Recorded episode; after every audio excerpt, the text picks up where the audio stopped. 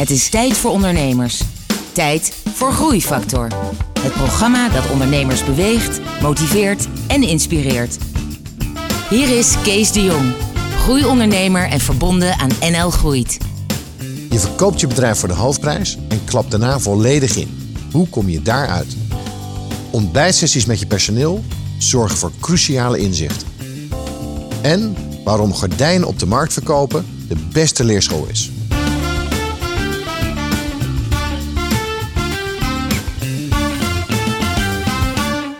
Hallo en welkom bij Groeifactor. Met een openhartig gesprek met een inspirerende ondernemer. En vandaag is Marco Aanink mijn gast. Marco, welkom. Dankjewel. Uh, Marco, ik denk wel dat veel ondernemers jou kennen. Uh, jij bent de, de, de man of een van de twee mannen achter het drukwerkdeal. Uh, ja, ik hoop dat ze me een beetje kennen. Want we hadden ons best meegedaan natuurlijk uh, met drukwerkdeal. Dus. Ja, nou jarenlang heb je op alle lijstjes gestaan van de FD Gazelle. Ehm, en, en van allerlei groeiwedstrijden. Je hebt veel in de, in de pers gestaan. Met name op het moment dat jij je bedrijf hebt verkocht. Ja, ja, drukwerk is natuurlijk niet, of drukwerk is natuurlijk gewoon niet een heel sexy product. Dus uh, je komt nooit op de lijstjes met consumentenproducten. Dus dat, dat blijft altijd een beetje een lastig speelvet voor de marketingafdeling. Ja. Maar uiteindelijk uh, denk ik dat we drukwerk wel uh, bekend gemaakt hebben. En het bedrijf drukwerkdeal ook wel echt gehyped hebben tot iets bekends. En ja, een fenomeen natuurlijk als het gaat om, om groeien. Ja, en, en daarmee ben jij zelf ook een beetje een fenomeen. Ik weet niet of je dat graag hoort. Maar jij bent 32. Um, wist je al vroeger dat jij ondernemer wilde worden? Ja, ik wou piloot of ondernemer worden. Die, die keuze had ik eigenlijk al heel jong gemaakt. Want deed je al ondernemende dingen in je jeugd? Ja, ik verkocht wel. Als wij een bruiloft hadden of hadden een feestje, uh, hoe jonger ik ook was, ik verkocht altijd uh, spelletjes achter op een bierveeltje, gokken met, uh, met gasten. We deden altijd dingen, laat maar zeggen, om van, van 10 cent drie gulden te maken. Ja. en dat lukte ook altijd. Dat deed ik samen met mijn neefje. Dus wij waren echt wel een beetje, ja, ja, al vroeg met handel bezig. Ja. En dat uh, blijft toch in de genen zitten. En wanneer begon jouw eerste echte handeltje? Nou ja, mijn eerste echte handeltje, dat was dus al vroeg. Want ik weet nog wel dat ik vroeger ook bijvoorbeeld met mijn buurjongetje gipsen beeldjes langs de deur uh, ging verkopen. Het sloeg helemaal nergens op, maar zo haalden we wel iedere week zakgeld binnen. op een gegeven moment, ik ging op de markt werken. Dat, mijn bijbaantje was op de markt. Ik heb zo'n acht jaar gordijnen verkocht. Als iets niet makkelijk is, dan is het gordijnen verkopen op een marktplein. Dus daar leer je al heel snel om een binding met klanten op te bouwen. Om ze naar kraam te lokken. Om ze een verhaal te vertellen. Gunfactor te creëren. Vertrouwen te wekken. En uiteindelijk dus zelfs op een markt gordijnen te verkopen. Maar acht jaar, dus hoe oud was je toen je begon daar? Ja, ik, denk, ik, ik, ik liep op mijn tiende al op de markt. Uh, ik, ik woonde tegenover een winkelcentrum. Ja? En toen ik een jaar of tien, elf was, denk ik, uh, ging ik altijd met grote kannen koffie op de donderdagochtend ging ik naar het marktplein toe. Want alle horeca was niet open. Dus dan verkocht ik die mannen. S ochtends vroeg om half zeven, half acht. Verkocht ik een kopje koffie. dus ja, de eh, handel heeft er altijd al in gezeten. Later uh, werd dat natuurlijk, ik bedoel, ik was op die markt bekend. Dus dan ga je op die markt werken. Kom je echt in die handel terecht. Word je gehad. Want uh, de markt is, uh, ja, is toch een wereldje apart van allemaal stoere mannen. Dus je, ja. ja. je wordt ook wel een beetje meegenomen in, in de, in, de, echte mannelijkheid, laat maar zeggen. Dus dat is ook goed.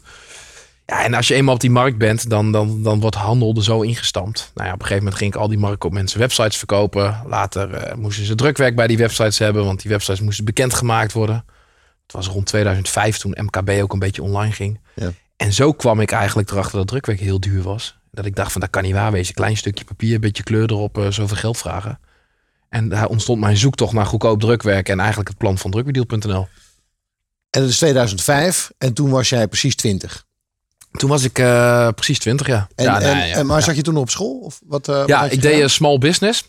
Ik ging uh, vanaf de HAVO ging ik small business doen. Ik wilde heel graag piloot worden, ook toen nog. Maar dat was wel lastig, want ik was wel iemand die veel mensen afleidde in de klas. En makkelijk mijn cijfers haalde. Maar andere mensen hadden daar wel eens last van en konden daardoor wat moeilijker hun cijfers halen. Dus het werd mij geadviseerd om iets meer een praktijkopleiding te doen. Dus ik koos uiteindelijk toch ervoor om small business te gaan doen. En er was een opleiding, hoefde je niet naar school toe. Want uh, je deed uh, projecten voor bedrijven, daar kreeg je je punten voor. Je hoefde geen lessen te volgen, geen toetsen te maken. Uh, eigenlijk echt een hele pragmatische opleiding. En dat, dat was me op het lijf geschreven. Een soort continue stage die eigenlijk. continu stage, ja. Dus ik kwam bij veel bedrijven binnen. ik kon veel om me heen kijken. mijn mond goed gebruiken, want dat vond ik leuk. En ja, op die manier eigenlijk kennis maken met de echte handel. Eh, en ook met, met, met, eh, met, met wat grotere bedrijven, laat maar zeggen, dan eh, wat je op de markt ziet.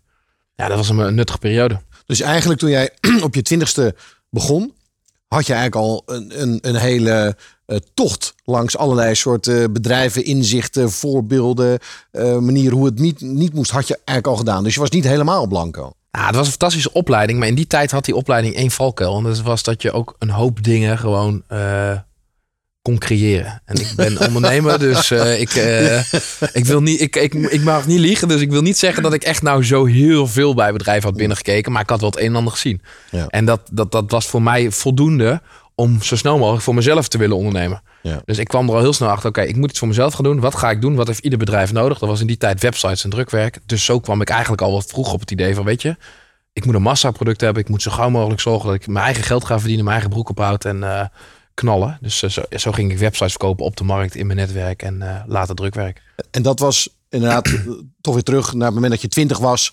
Toen je die drukwerkanalyse had gedaan. Dit is wel heel duur. Hier moet een oplossing voorkomen. Uh, hier wil ik een bedrijf in gaan beginnen. Nou ja, volgens mij zit ik hier tegenover een ondernemer. dus een analyse maken was er niet bij. Het is zoals veel ondernemers het woord bedrijfsplan niet kennen. was het een gevoel, een goed onderbuikgevoel. Was het veel praten, veel vragen stellen, goed luisteren, oren, ogen open. En dan zie je wel van, joh, luister, als mensen mij gewoon aardig vinden, dan gunnen ze mij ook wel die handel. En dan kan ik ze alles verkopen. Ja, en drukwerk heeft nou eenmaal elk bedrijf nodig. Ja. Dus het was niet zo'n hele moeilijke keuze om te denken van, nou weet je, ik had, ik had een manier gevonden om drukwerk heel goedkoop te leveren. Een derde van de Nederlandse uh, marktprijs op dat moment. Ja, dan, dan, is, dan is je tweede uh, uitdaging is om het nog aan de man te brengen. Nou ja, ik denk dat ik redelijk makkelijk kan praten en... Uh, ik had, in ieder geval geleerd op de markt. Uh, ja, ik had een, redelijk, een relatief goede gunfactor. Dus het product afzetten was eigenlijk ook niet zo moeilijk. Oké.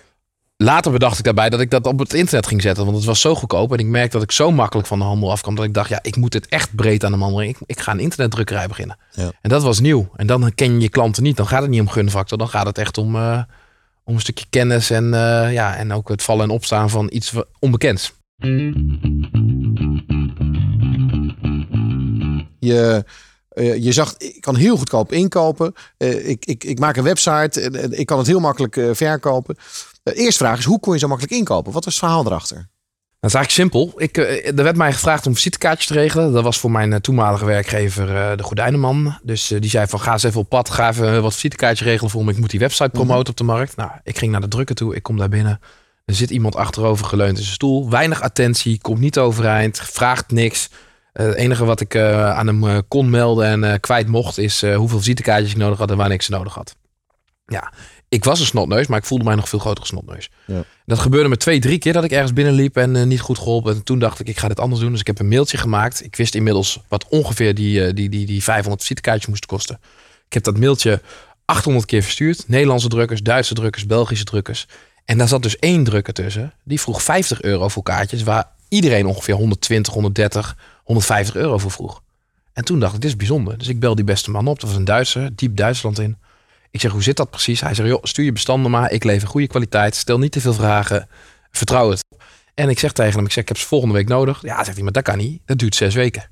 Ja, zes weken. Ik zeg, ik kan niet zes weken wachten. Ik heb al 800 eh, mailtjes gestuurd. Je wil niet weten hoe lang ik hieronder bezig ben. Ik heb die kaartjes nodig. Hij zegt, Marco, zegt hij, vertrouw me. Haal ze maar op. Dan snap je ook waarom dit zes weken duurt. Dus ik ben 600 uh, kilometer Duitsland ingeknald met mijn busje. Ik kom bij die drukker, echt een heel klein drukkerijtje aan een uh, oud spoor, uh, oud treinstation was het. En er stond één persje. En ik denk, jemig, waar heb ik me, waar heb ik me naartoe laten lokken, joh? Maar toen stond hij daar te, te, draaien, laat maar zeggen. En ik zag al die pallets met werk staan. Ik denk, nou, beste man heeft wel druk. Stond een mooie auto buiten. Ik denk, nou, die doet het toch wel redelijk. En toen ging hij mij uitleggen. Hij zegt, joh, ja, jij hebt bij mij 300 gram visitekaartjes besteld. Dus ja, dat klopt. Hij zegt, Marco, zegt hij, iedereen bestelt 300 gram visitekaartjes. Ja, dat snap ik. Hij zegt, die moet je combineren. Dus wat hij deed was eigenlijk heel simpel. Hij zette niet één drukwerkorder op een drukveld, draaide door de pers heen en jij bent als klant, laat maar zeggen, de sjaak met het betalen van het drukken, het wassen van zo'n pers. Het is een enorm proces. Nee, hij zette daar gewoon, uh, in het geval van briefpapier, negen briefpapiertjes op zo'n drukvel. Negen verschillende klanten die met elkaar die kosten voor zo'n drukvel deelden. En in dit geval visitekaartjes konden er 56 visitekaartjes op zo'n drukvel. Dus 56 verschillende klanten die met elkaar de prijs van de drukken deelden. Ik denk, jemig, wat een idee zeg. Ik moet gewoon, dit moet ik gewoon gaan verkopen. Dit moet ik op internet zetten. Dan duurt het namelijk geen zes weken voordat ik 56 klanten heb. Ja. Die heb ik ze binnen een week met dit soort prijzen. En uh, zo geschieden, want ik uh, gooide drukwerkdeal online. Ik vroeg een studiegenootje van mij om mee te doen. Uh, die zag dat ook wel zitten. Oh, dat is jouw partner geworden? Ja, twee weken later hadden wij uh, drukwerkdeal online. briefpapier, visitekaartjes, enveloppen, flyers. Echt het drukwerk wat ieder bedrijf nodig had. Want we moesten het wel simpel en klein houden. Ja, en, en, en een derde van de Nederlandse marktprijs. Dus we groeiden natuurlijk als kool. Uh, plus een beetje marge erop, denk ik dan. Plus een beetje, maar ja, in die tijd konden we nog goede marge maken, want uh, we waren een van de eerste. En het, uh, het grappige was, er werd natuurlijk heel erg afwijzend naar ons gekeken. Drukkers die zeiden van ja, dat zijn cowboys, die halen hun papier uit Turkije en ze hebben Poolse drukkers. En ze, dus er zijn nog krantartikelen dat we drukwerk inkopen in Sri Lanka. Er werd van alles over ons verteld. Ja. Maar ze hadden niet door dat hoe meer ze over ons praten, hoe negatief het ook was. Des te beter het voor ja, was. Hoe meer klanten dachten, ja, dat kun je wel zeggen. Maar ik ga toch proberen voor dat geld, want er kan geen bel eraan vallen.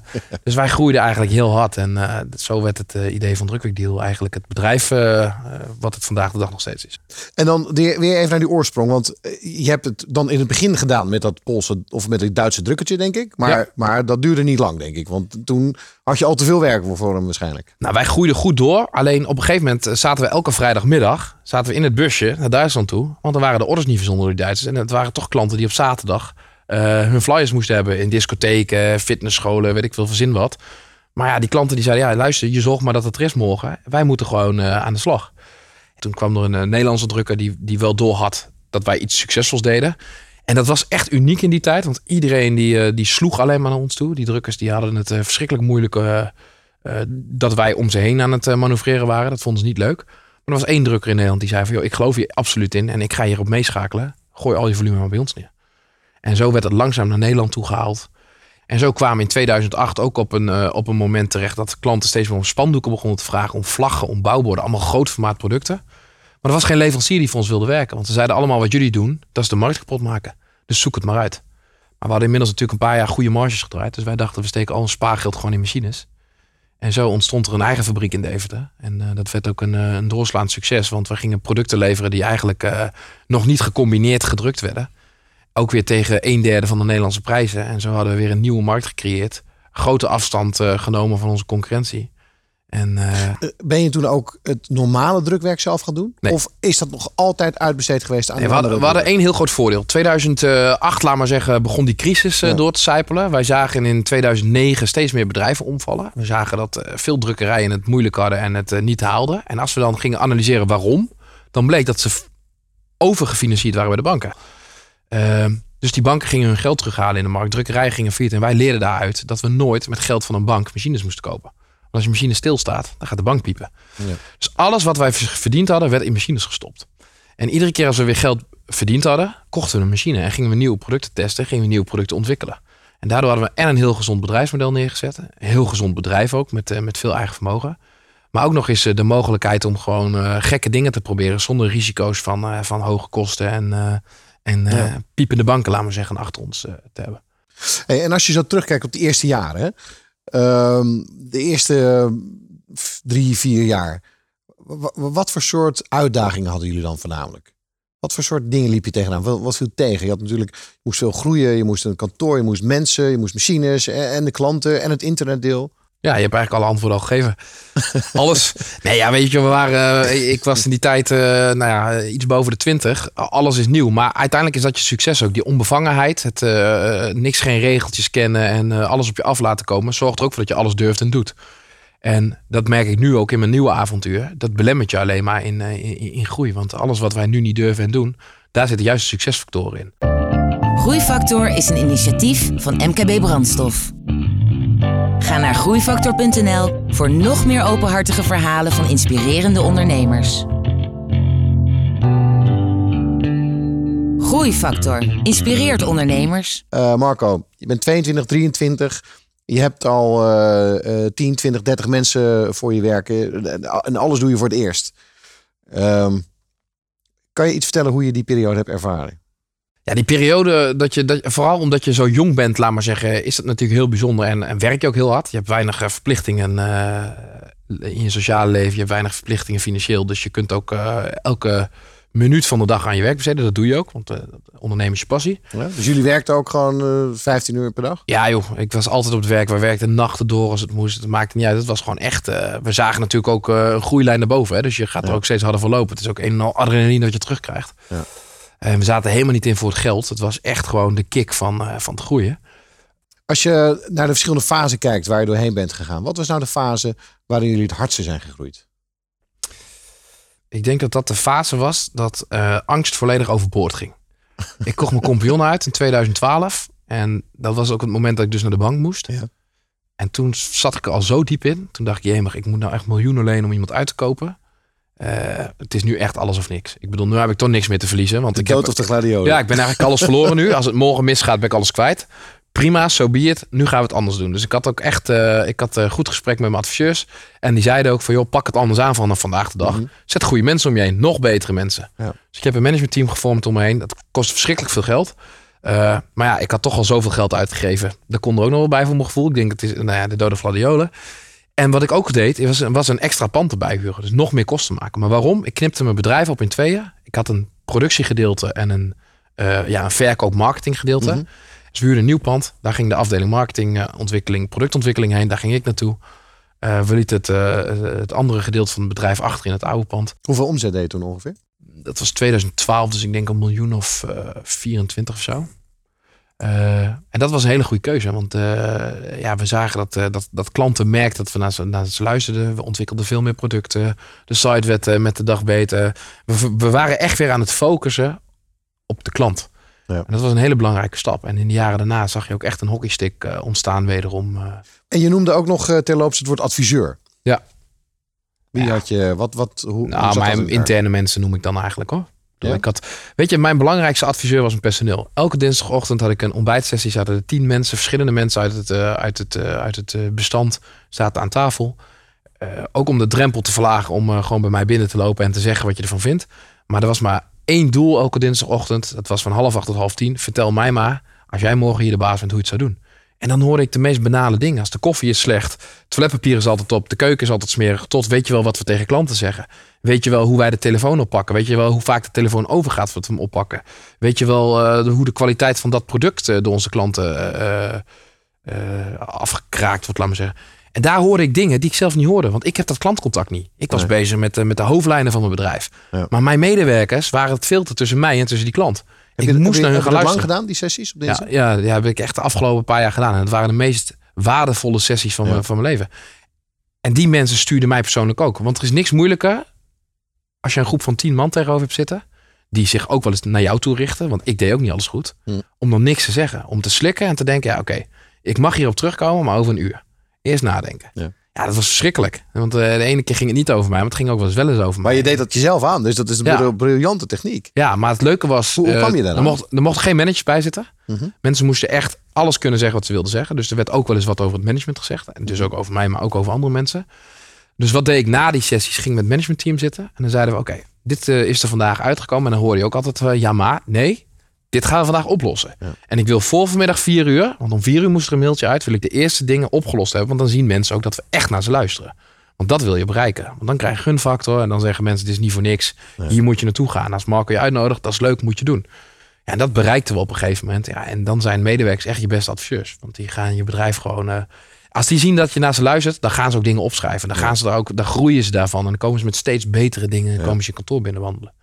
Ik vind het echt een briljant proces. En ook een briljante tip alvast naar andere Ja. ondernemers. Hoe, Ja, wij doe het de milk meetings. Dus eh, het was gewoon uh, melk en eh, broodjes. En meer hoef je ook niet te regelen. Nee.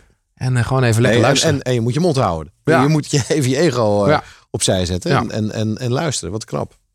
Ja. Hey, je, hebt, je hebt natuurlijk een, een waanzinnig... je hebt een briljant ondernemersverhaal neergelegd. Van, van, van nul ehm, naar, eh, naar 34 miljoen. Je hebt het voor de hoofdprijs eh, eh, verkocht. Ehm, maar je zal ook dieptepunten hebben gehad in die hele fantastische reis. Als je terugdenkt naar je ondernemersavontuur. Wat, wat waren jouw dieptepunten? Nou, het grootste dieptepunt is denk ik toch het afscheid nemen van je compagnon. Je begint samen aan een droom. We hebben veel in het buitenland gezeten. Waren veel op reis, altijd onderweg. Eh, nou ja, op een gegeven moment dan ontstaat er echt een hechte vriendschap. Je gaat met elkaar op stap. Eh, onze partners konden het heel goed met elkaar vinden. Ja, als zo iemand op een gegeven moment besluit om te stoppen. Ik, daar heb ik het echt heel moeilijk mee gehad. Heb ik zeker een, eh, een... Ik ben daar zeker ook de plezier in het bedrijf door verloren geraakt. eh, lange tijd. En dat zie je aan de cijfers ook wel. Je ziet echt een dip in onze groeilijn. Dat heeft met niks anders te maken dan eh, niet in je kracht zijn. Want, want zag je dat dan als een soort persoonlijke Ja, opzegging van de vriendschap? ja ook wel. En daar kon hij niks aan doen hoor. Ik bedoel, eh, dat, dat kan ik hem ook niet kwalijk nemen. Maar op zo'n moment neem je dat wel iemand kwalijk. Ja. En eh, op zo'n moment kom je natuurlijk wel in een spagaat met elkaar. En dan, dan, dan verlies je ook die vriendschap voor lange tijd. En nu? Nou, ik spreek hem nu weer en we, we, kijken er nu anders naar. En ik begrijp nu wel waarom hij destijds niet verder kon. Dus dat is prima. Alleen, ja, weet je, dat was wel een heel moeilijk moment. Want je, je hebt samen iets opgebouwd. En ik hield daar wel heel sterk aan vast. Ja. Ehm, dus dat was, dat was voor mij echt een moeilijk punt. Ehm, ja, een ander moeilijk punt ehm, vond ik toch mijn eigen afscheid. Eh, het weggaan. Dat, eh, dat is me toch zwaarder gevallen dan ik dacht. Ja. Ik ben, uh, ik bedoel, je bouwt dat op, je weet dat je weggaat. je probeert dat zo, zo, zo, zo geruisloos mogelijk doen en ook zo, zo, zo, zo snel mogelijk enerzijds wel weer. En je denkt dan van, nou, dan ga ik daarna andere leuke dingen doen. Maar ik heb daarna een echt een enorme tik gehad. maandenlang geen energie een wereldreis geannuleerd. Uh, de leukste dingen die ik kon doen, had ik helemaal geen zin in, joh. Ik was ziek, zwak, misselijk. In 2015 heb jij jouw bedrijf uh, verkocht. Dus waarschijnlijk in 2014 of misschien eerder al. Ja. had je zoiets. ja, dat is een van de, van, de, van de richtingen. Waarom heb je daarvoor gekozen om dat te doen? Nou, meerdere redenen. Kijk, op een gegeven moment in 2012 uh, eh, kocht ik mijn compagnon uit. De, toen ging ik zware financiering in en uh, werd het bedrijf toch wel een ander bedrijf. Uh, je hebt met meer mensen te maken, managementteam, er komen wat lagen. Ja, dan verlies je toch wel een stukje van je, van je persoonlijke kracht en van je ambitie. En ook van het plezier. Hè, wat ik zei dat mijn compagnon vertrok, dat heeft het toch wel ingehakt. Ehm, dat maakte voor mij het avontuur wel anders. Eh, dat was voor mij echt even een, een, een nare zijweg, laat maar zeggen. Waarbij ik wel echt mezelf ging afvragen: wil ik dan nog wel verder met dit bedrijf? Nou, dat, dat liet ik op een gegeven moment wel achter me. Ik had een goede, goede groep mensen achter me en naast me. Dat ik dacht: van nou, weet je, we gaan gewoon verder en we gaan er weer voor. Maar dan komt er op een moment dat je weer hard groeit. En dat je denkt: van ja, hoe kom ik nog van het werk af? 2013, 2014, crisis was ten einde.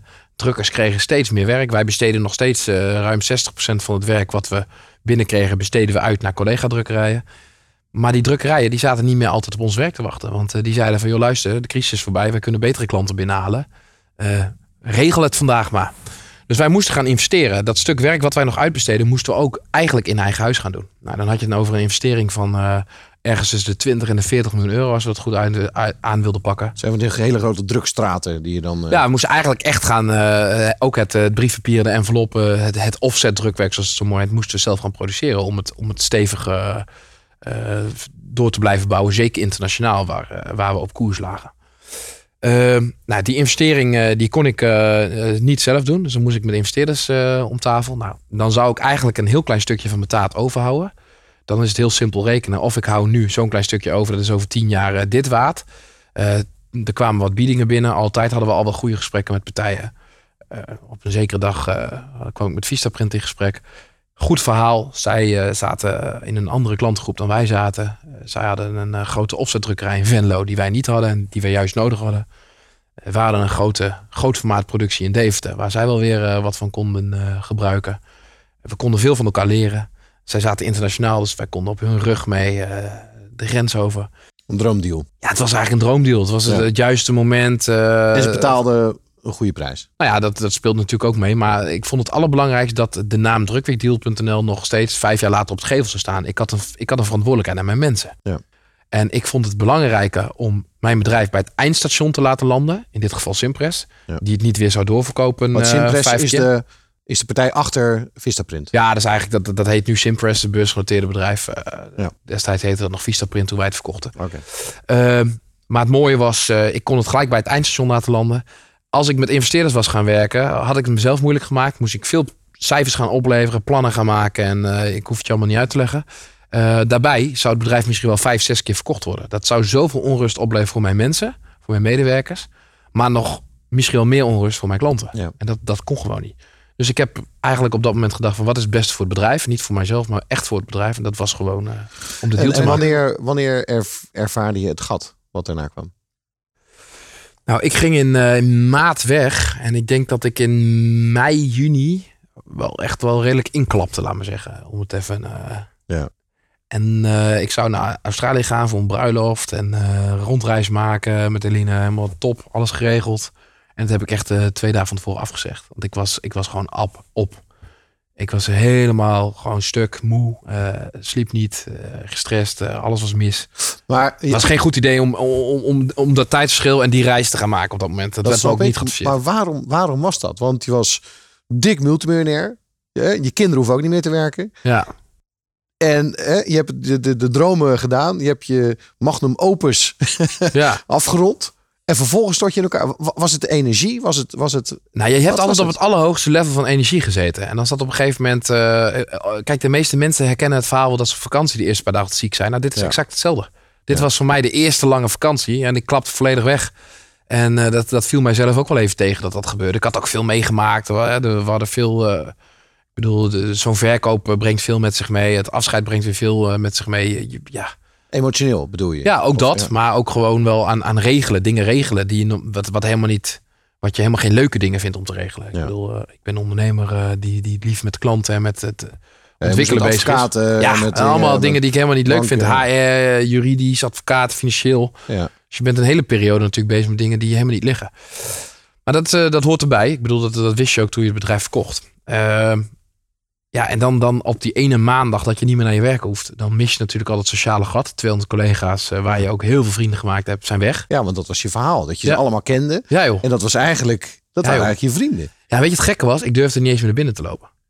Want je voelt je eigenlijk, schaam je dat je afscheid genomen hebt. En je schaamt je dat je het verkocht hebt. Je voelt je zo... Je voelt een beetje dat je ze in de steek hebt gelaten. Ja, exact. Ja, ja dat was het. Dus dat speelt ook mee. En dat sta, al die dingen bij elkaar stapelen zich op. Hè? En op een gegeven moment komt dat eruit. Dan is het gewoon even voorbij. En uh, ja, dan heb je wat slaap nodig, laat maar zeggen. Ja. Ben je inmiddels wel weer terug geweest bij het bedrijf? Ja. heb je daar wel weer een normale relatie mee? Uh... Ja, ja, nee. Kijk, op een gegeven moment dan uh, word je ook wel uitgenodigd. Dus dan kun je niet onderuit. Uh, is in een nieuw pand. mijn laatste project was om hun een nieuw pand toe te brengen. Dat heb ik gedaan. Ja. Ik ben zelf niet meegegaan. Ik ben geruisloos dus uitgegaan op het moment dat er toch al voldoende verandering was. Ja. Maar ik werd op een gegeven moment uitgegaan om het pand te openen. Dus dat was natuurlijk een hele eer dat ik daarbij mocht zijn en uh, daar ook even een speech mocht houden. Uh, was dat dan een soort van afscheidsspeech? Nou ja, dat was wel een bijzonder moment, ja. ja. ja. dat was ook de eerste keer dat ik weer terugkwam. Dus dat was best wel even slikken. Ook omdat je dan de mensen weer onder ogen moest komen. Dat je denkt, die mensen wil denken, daar komt hij ook een keer weer aan. Mm -hmm. uh, dat viel allemaal mee, gelukkig. Maar daarna was het ijs gebroken. Ja. Maar ik vind het nog moeilijk om er zo binnen te lopen. Want ja, ik hou gewoon niet van ik, ik doe wel veel radio, tv, presentatie, weet ik veel. Maar ik hou er niet van als mijn mensen om me heen me aankijken. Ja. Ik, als er een, eh, grote glazen wand is waar medewerkers achter, dan loop ik het liefst daar zo ver mogelijk vandaan uh, langs heen. Uh, omdat ik die mensen echt als, uh, als, ja, als belangrijk zie en beoordelend, laat maar zeggen. dat vind ik heel belangrijk. Dus ik vind het heel lastig, nog steeds vandaag de dag, om dat te komen. omdat ik me daar wel klein voel. Ja. Uh, je bent weer een bedrijf begonnen. Ja. Eigenlijk een soort klein drukwerkdeal. Print.com. Wat is je ambitie met print.com? Nou, kijk, mijn ambitie, dat was met drukwerkdeal ook zo. Mijn ambitie was om een internationaal bedrijf neer te zetten. Uh, we hadden een, een productgroep gekozen, een massaproduct dat ieder bedrijf nodig had. Dus we kunnen onze vleugels ook uitslaan waar we maar willen. Ja. Uh, ik, ben, uh, ik vind het reizen gewoon heel erg leuk. Ik bedoel, niet voor niks dat ik piloot wilde worden daar ligt ook mijn valkuil. Maar goed, uh, dat, dat, dat reizen longt altijd. Ik wilde gewoon een internationaal label neerzetten. Ja. Uh, ik had inmiddels de valkuilen uh, wel leren kennen. Ik bedoel, als ik alles over kon doen in mijn leven, dan zou ik gelijk met een internationale naam zijn gekomen, bij wijze van spreken. Maar goed, dat, dat heb ja. ik allemaal recht kunnen zetten. Ja, even over die naam, print.com. Dat is een domeinnaam van een paar ton. Ja, dus ik dacht, oké, ik wil een internationaal bedrijf zetten. Mijn hele netwerk ligt in print. Ik ken mijn medewerkers nog, ik ken mijn oude netwerk nog, leveranciers, klanten, alles. Ik dacht, maar moet ik dan weer iets in een nieuwe markt twaalf jaar gaan opbouwen, terwijl ik hier eigenlijk een vliegende stad kan maken. Terwijl ik dit product zo leuk vind. En ik dacht, ja, ik ben gek als ik, uh, als ik in deze groeimarkt, want dat is het nog steeds vandaag de dag, waar nog steeds plek is voor nieuwe mensen die elkaar scherp houden. Want je hoeft geen concurrent van elkaar te zijn. Je moet een wedstrijd spelen en in die wedstrijd word je allebei beter. Uh, nou ja, ik denk, ik moet dit gewoon nog een keer doen. Het, ja. het, kriebelt zo. En hoe groot gaat het worden? Print? Nou, kijk, het zegt genoeg. Ik heb, uh, als je dit nog een keer doet, dan moet je het ook vanaf het eerste moment proberen zo goed mogelijk aan te pakken. Je weet wat je de vorige keer uh, gedaan hebt, uh, wat beter kon. Die dingen heb ik opgeschreven, die dingen heb ik voor mezelf uitgerekend. En toen dacht ik, ja, er zit maar één ding op. Ik moet de naam print.com Want dat is het hoogste level wat ik kan spelen op dit moment. En daar wil ik heen. En ik weet dat het ontzettend risicovol is wat ik doe. Ik weet dat ik al in ga en dat het uh, risico dat het niet lukt uh, er ook is. Uh, maar goed, dit is wel echt wat ik wil. En als dit me heel veel geld kost en niks heeft opgeleverd, kan ik wel zeggen met een lachend gezicht: ik heb verloren, maar ik heb wel een leuke wedstrijd gespeeld. Maar wil jij een bedrijf neerzetten van 100 miljoen of van een miljard? Nou, kijk, de, naam Printcom zegt al genoeg. Dus, ja. Nee, ja, uh, ik, ik had het wel invullen, 100 miljoen, uh, 100, tuurlijk, 100 miljoen uh, graag. daar, daar ligt zeker het doel. En dat, dat is ook zeker mogelijk, afhankelijk van hoeveel tijd je ervoor neemt. Maar ja, de naam Print.com, kijk, weet je, ik heb een beetje onderschat toen ik die naam kocht wat er op me afkwam. Wij kochten die naam om Nederland, Duitsland, Frankrijk, Engeland, de landen om ons heen. Uh, Mag je weten wat je betaalt? Nou ja, het staat wel op internet dat er uh, om en bij de 2 miljoen betaald is. Maar daar zitten ze niet heel ver vanaf. Maar ik heb niet alleen print.com gekocht. Ik heb .nl gekocht. Punt, uh, weet ik veel, het FR. Uh, ik heb uh, heel veel extensies gekocht. Ik noemde het een paar ton, maar dan zat ik er nog even factor 10 naast. Nee, maar weet je, het is vastgoed van de toekomst. Hè. Mijn generatie moet ook gaan investeren in de wijnnamen. Want dat is vastgoed van de ja. toekomst. Ik heb gewoon het beste winkelpand aan de beste winkelstraat wereldwijd gekocht op het gebied van print. Ja. En toen ik die kocht, heb ik dat ook geroepen. Maar ik was me er niet van bewust wat die naam van zichzelf al deed. Als ik nou kijk wat wij vandaag de dag al aan aanvragen binnenkrijgen, dan zijn wij best wel gericht op Europa. Maar moet ik toch al gauw mijn, speel, mijn, uh, mijn uh, zichtsveld gaan uh, verbreden richting Engeland? Want er komt heel veel uit UK. Ja, ja print.com, logisch. Maar er komt nog veel meer uit Amerika. Ja. En dat kunnen we niet negeren. Marco, we zitten een beetje aan het eind van het, van het gesprek. Ik zou nog uren met je kunnen doorpraten. Met name over je, over je nieuwe avontuur. je wereldwijde avontuur het eind van het gesprek proberen we altijd nog een aantal inzichten te verzamelen.